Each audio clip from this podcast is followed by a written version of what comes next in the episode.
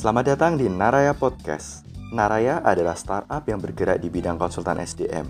Dan di podcast ini, kita akan berdiskusi bersama mengenai topik-topik pengembangan diri dan karir, isu-isu psikologi, kesehatan holistik, dan entrepreneurship. Kamu dapat terhubung dengan Naraya melalui Instagram di @naraconsulting. Selamat mendengarkan.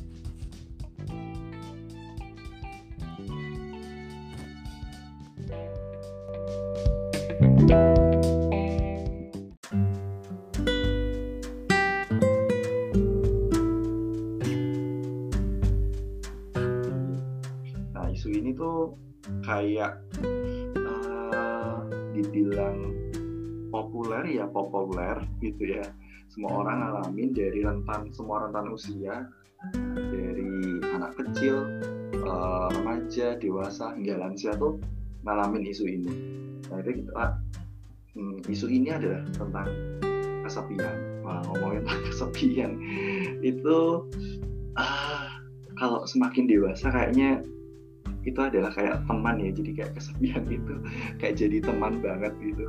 Kerasa nggak mbak Rosa? Jadi benar-benar. Iya semakin lama memang temannya jadi makin dikit gitu ya. Makin hmm, sepi rasanya. Hmm, malah malah kesepian ini sekarang jadi yang sering sering ngetuk pintu kita terus eh sepi yuk gitu. Yuk kesepian yuk gitu. Nah ini hmm, akhir-akhir ini sebenarnya aku juga ngerasa kesepian sih mbak Rosa jadi uh, agak sedikit curhat gitu ya. Apalagi setahun ini kan pandemi ritme kita tuh benar-benar jadi berubah ya ritme hidup kita. Jadi uh, ngerasa kesepian banget sih sebenarnya. Apalagi harus uh, biasanya bisa kerja di luar atau melakukan hal di luar. Sekarang kan segala sesuatu memang harus dibatasi ya. Apalagi di awal-awal masa pandemi itu jadi kayak ngerasa banget nih kesepiannya. Kesepiannya tuh kayak uh, kita membutuhkan orang tapi nggak ada orang di sini gitu. Even kita udah uh, udah menghubungi orang lewat mana ya lewat sosial media ngobrol lewat chatting tapi tuh nggak full gitu loh mbak. Oh, oh betul rasanya beda. Nah kalau mbak Rosa pernah rasa kesepian yang bagaimana di akhir hari ini? Oh, mungkin oh oke. okay kalau aku mungkin merasa kesepiannya jauh lebih dulu dari pandemi ya. Jadi maksudnya saat harus bekerja jauh dari keluarga di apa di Kalimantan. Ah betul. Ah, ya betul. kemudian harus membesarkan anak sendiri. Walaupun waktu itu memang ada pengasuh cuma ya beda ya rasanya daripada kalau memang dibersamai dengan keluarga. Belum lagi proses hidup yang lain harus pindah kerja ke Jakarta kemudian harus pindah ke site yang gitu itu jadi makin lama memang rasa sepi itu makin lama makin sering muncul terlebih lagi kalau uh, kita semakin dewasa kan kayaknya lingkaran pertemanan kita makin dikit ya Rian ya? Jadi benar, benar, benar, benar. Uh, jadi kita bingung nih mau curhat juga curhat sama siapa juga misalnya mau curhat sama teman mungkin dia bisa jadi repot dengan anaknya repot dengan permasalahan keluarganya juga gitu. Jadi memang akhirnya rasanya jadi makin lama makin sepi gitu. Jadi kayak ya bener kata Rian tadi sahabat kita ya sepi itu. Sepi itu jadi sering banget ngetuk kita benar. Oh iya ya aku juga pernah nih mbak pernah punya pengalaman harus pindah ke luar kota dan di situ uh, aku benar-benar ngerasa sendiri walaupun ada temen tapi juga tetap ngerasa kesepian. Aku nggak tahu kenapa. Jadi pernah kan uh, kita di situasi yang ramai atau mungkin kita datang ke resepsi teman kita atau ke teman ke ke kelompok kita gitu ngobrol gitu tapi kita tetap merasa kesepian. Padahal kita ada kita beramai-ramai ya. Benar beramai-ramai. Nah ini sih mbak jadi aku jadi uh, sempat merefleksikan sebenarnya kesepian itu apa? Apakah memang kesepian itu selalu sendiri? Tapi hmm. aku nggak sendiri pun aku juga pernah rasa kesepian. Kesepian. Betul. Pernah aku juga, juga bener-bener aku aku justru sering sekali di kondisi sekarang tuh uh, beberapa tahun yang lalu. Jadi saat beramai-ramai pun juga tetap ngerasa sendiri. Dan lama-lama justru makin menikmati uh, proses sendiri gitu. Jadi ramai tapi aku tetap sendiri itu awalnya asing. Tapi lama-lama kemudian aku ngerasa ya sudah nggak apa-apa. Kalau aku nggak tune in dengan apa yang ada di sekitarku juga nggak apa-apa kalau aku harus sendiri. Dan itu hmm. memang butuh keberanian sih. Itu memang butuh keberanian ya Rian ya. Karena uh, merasa sepi uh, sendiri itu kan uh, menakutkan untuk beberapa orang. Ya betul ya. Memang benar sih mbak. Benar. karena banyak banget orang yang sangat takut kesepian gitu ya sangat takut untuk uh, kesepian. Mereka mungkin sendiri oke okay, tapi kalau kesepian tuh mungkin takut ya jadi kayak uh, mengekspresikan dirinya menjadi mungkin maladaptif ya atau maladaptif apa uh, bahasanya lebih populer uh, menjadi suatu hal yang tidak adaptable gitu ya terhadap lingkungan. Gitu ya. Nah ini kan tadi kita sempat ngebahas nih mbak uh, kita waktu sendiri kadang kita rasa kesepian waktu kita pindah ke suatu tempat terus kita sendiri kita rasa kesepian. Atau kita lagi aku tadi cerita masa pandemi itu benar-benar rasa kesepian karena nggak ada nggak ada temen gitu. Terus juga uh, tadi sempat juga dibahas pengalaman kita kita berada dalam kelompok atau kita lagi sama orang banyak tapi kita juga ngerasa kesepian. Nah sebenarnya sebenarnya kesepian itu kesepian apa? itu apa gitu. betul betul itu juga aku penasaran nah berarti kan Rian bahwa loneliness itu atau kesepian itu uh, kesepian ini tidak selalu berhubungan dengan tingkat interaksi sosial kita ya uh, hmm. tidak juga berarti harus uh, berhubungan dengan uh, seberapa sering kita ketemu juga jaraknya kayak gitu ya. Berarti ada faktor lain nih yang menyebabkan orang merasa kesepian state of mind kita mungkin atau uh, penerimaan kita atas kondisi yang ada di sekitar kita sehingga kita merasa kalau kita nggak menerima kondisi kita kemudian kita jadi sering merasa asing dengan diri kita sendiri. Berarti problemnya adalah kita dengan diri kita sendiri ya pada akhirnya. Tidak melulu dengan kondisi yang ada di sekitar kita gitu ya. Berarti kan bahwa kondisi-kondisi yang ada di sekitar itu hanya sebagai pemicu saja. Ujung-ujungnya yang membuat kita merasa kesepian ya diri kita sendiri. Gitu. Itu sih Rian menurutku. Jadi ada faktor internal dan faktor, faktor eksternal deh kayaknya yang menyebabkan orang merasa kesepian. Hmm, hmm. oke oke mbak. Ini berarti bisa nggak kalau misalnya dari apa yang disampaikan Mbak Rosa itu ngomongin uh, tentang sebenarnya kalau misalnya ngomongin kesepian itu seberapa kita tuh juga bisa menjadikan diri kita teman gitu ya. Jangan-jangan kalau misalnya kita kesepian itu kita tuh nggak nyaman sama bener, diri kita bener. sendiri kita betul betul. Oh iya ya? Iya. Jangan-jangan jadi sebenarnya kesepian itu adalah sinyal dari diri kita sendiri bahwa sebenarnya diri kita itu pengen disapa. Sebenarnya ada sesuatu yang kurang nyaman yang kita rasakan tetapi diri kita ini sadar kita ini nggak nggak mengetahui hal itu jadi harus pakai kode yang ditangkapnya sebagai kesepian ini. Oke, jadi oke okay, aku aku selalu kalau misalnya ngobrol sama Mbak Rosa terus mendapat insight gini, aku langsung mikir ke aku gitu juga ya. Tapi jadi pada dasarnya kita semua seperti itu Sirian menurut ya. Pada pada dasarnya kita ini ya ngalamin kesepian itu yang ngalamin kalau kita itu denial atas diri kita sendiri kita tuh ngalamin kok nah hmm. nah bedanya di level kita itu akhirnya mau sadar nggak kalau kita ini nggak nyaman dengan diri kita sendiri kemudian kita bisa nerima nggak kalau kita itu nggak sesempurna yang kita bayangin kemudian kita itu mau mengeksplorasi diri kita nggak sih dengan uh, label kesepian itu tadi gitu.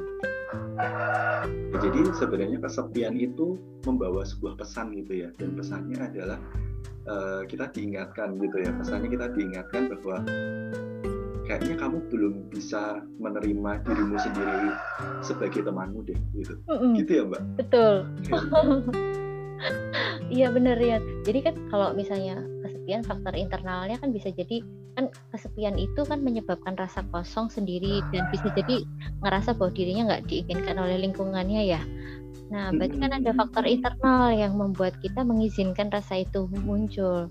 Misalnya self esteem kita yang mungkin bisa jadi rendah atau penerimaan kita terhadap apa ya sesuatu yang menurut kita harusnya nggak gitu gitu. Mungkin kita belum bisa nerima akhirnya kita jadi ngerasa nggak sama levelnya dengan teman-teman yang lain Jadi jarak dengan orang terdekat, intensitas ketemu atau kualitas hubungan itu uh, ya itu adalah wujud kondisinya. Tetapi balik-baliknya ya tadi faktor internal di dalam diri kita itulah yang menyebabkan kita uh, merasa sepi tadi itu. Gitu. Oke. Nah ini Mbak, kalau misalnya kayak gitu ya berarti kan ada suatu hal yang nggak beres sama kita misalnya kita hmm. uh, ke trigger mudah ke trigger dengan situasi di sekitar kita ini muncul yang namanya emosi uh, kesepian sebagai sebuah respon dari uh, faktor internal atau eksternal tadi nah sebenarnya kesepian itu suatu hal yang wajar nggak sih mbak? Nah kalau kalau dari perjalananku setelah usiaku segini ya gak usah disebutin ya oke okay, siap kesepian itu uh, menurutku adalah hal yang wajar dan itu normal terjadi di rentang usia berapapun Korean seperti yang tadi Rian sebutin. Jadi dalam The Society of Behavioral Medicine, jadi How Clay sama Sachiopo itu menuliskan bahwa 80% loh orang di usia 18 tahunan itu merasa kesepian dan 40% orang di usia 60 tahunan itu juga merasa kesepian. Berarti di rentang usia berapapun itu kesepian ini akan terus muncul. Nah, mungkin level atau bentuk kesepian yang beda-beda gitu ya. Mungkin ada yang bentuknya emosional, ada bentuknya sosial, ada yang bentuknya kalau udah sepuh gitu ganti lagi ke level pencarian jati dirinya eh sorry level legasinya. Nanti aku kalau meninggal itu mau meninggalkan apa? Kayak gitu. Yang hal seperti itu sih. Jadi ya kesepian itu wajar. Ya nggak wajar kalau kemudian kita ini uh, sepinya itu berlangsung intens dan menyebabkan apa ya kita tidak nyaman dengan diri kita sendiri menyebabkan munculnya emosi emosi-emosi tertentu. Kemudian relasi kita dengan orang lain gak bagus kemudian juga timbul reaksi fisik yang terus menerus gitu ya hmm. dari yang disampaikan Mbak Rosa tadi aku nangkap ada tiga jenis kesepian sih Mbak. Benar ya Mbak ya? Pertama betul, betul. ada emosional nih berarti emosi yang ku kesepian emosional ya sifatnya ya. Jadi yeah. kesepian yang ku rasakan tadi kayak misalnya aku nih pindah waktu itu aku pindah ke Bogor dan aku merasa bahwa aku benar-benar sendiri karena aku nggak punya teman dan itu aku merasa kesepian itu itu masuknya ke uh, emo kesepian yang emosional atau yang sosial bisa jadi sosial tapi bisa jadi juga itu juga terkait sama emosional juga jadi kalau uh, okay. emosional itu kan munculnya emosi-emosi tertentu atau kurangnya dia merasakan kasih sayang, kurangnya dia merasa diterima kayak gitu. Jadi dia merasa sepi walaupun bareng sama orang tapi karena dia ngerasa nggak sama dengan mm-hmm. orang-orang yang lain itu jadi dia itu merasa kesepian gitu, merasa nggak selevel, merasa nggak sejajar gitu. Jadi dia merasa sendiri gitu. Nah kalau yang sosial itu biasanya kan karena terkait dengan jumlah temannya berapa, jaraknya yang kayak gitu ya Rian ya. Nah kalau yang eksistensial ya berarti ya tadi terkait dengan legacy yang mau mau ditinggalkan terkait nanti mau jalan pulangnya gimana. Pulang dalam tanda kutip ya ya berarti meninggalnya nanti mau gimana mau di mau berkesan bagus mau berkesan bagaimana untuk orang-orang gitu. Jadi kalau dari garis besar tadi bisa jadi kalau micunya itu adalah loneliness sosial kalau Rian tadi. Tetapi kemudian jika di situ Rian juga ngerasa nggak tercukupi kebutuhan emosinya berarti juga masuk juga loneliness uh, sosial dan emosional. Oke okay. tapi ada ada satu yang menarik sih mbak.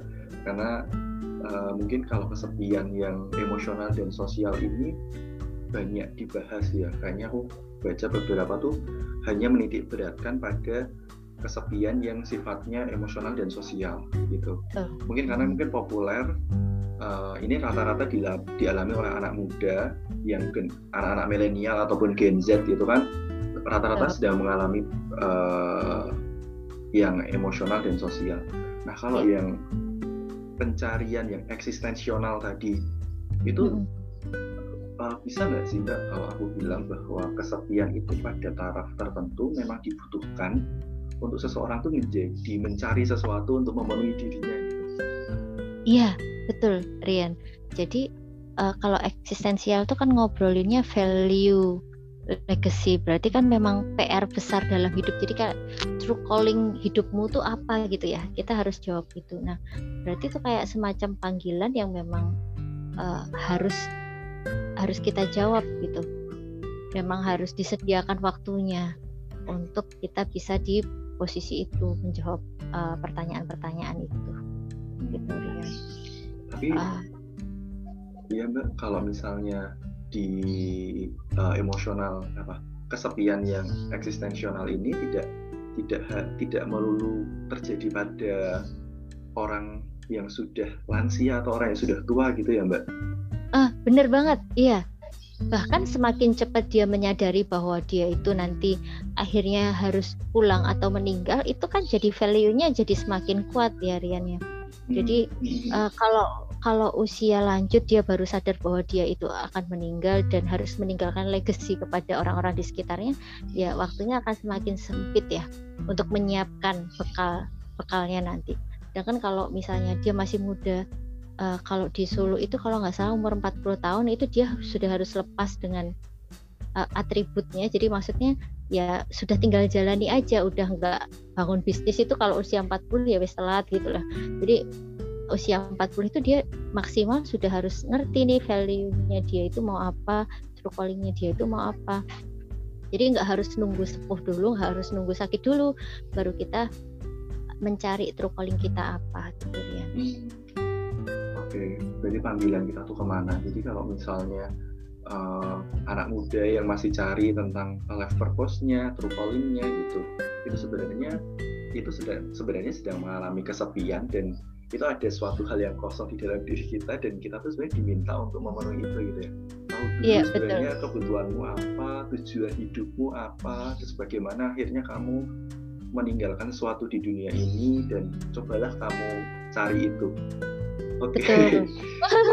berat ya, berat ya di umur yang masih harusnya masih semangat semangatnya, tapi uh, mungkin tapi beberapa orang sudah mulai memikirkan ini Korean. Jadi beberapa hantaman-hantaman kejadian selama ini yang barusan-barusan ini terjadi bencana alam, COVID dan lain-lain membuat orang itu berduyun-duyun belajar tentang eksistensi sejatinya dia itu apa gitu. Jadi mungkin nggak harus nggak harus umur 40 kata Rian tadi mungkin 20-an tahun ada yang sudah mulai mencari gitu. Okay. Kalau bahasa kerennya itu dia jadi solitude gitu. Jadi uh, sengaja menyepi untuk mencari makna dirinya gitu. Hmm. Oke, okay. ini soalnya ini tidak populer untuk dibahas sih, Mbak. Jadi uh, uh, ada kekosongan di situ gitu. Ternyata itu ada kesepian itu tadi ya Betul. merasa bahwa ada kekosongan di situ uh, mungkin tidak banyak dibahas sedangkan anak-anak muda itu masih banyak fokus pada emosi-emosi sepi yang sifatnya emosional dan sosial gitu loh. Benar. Uh,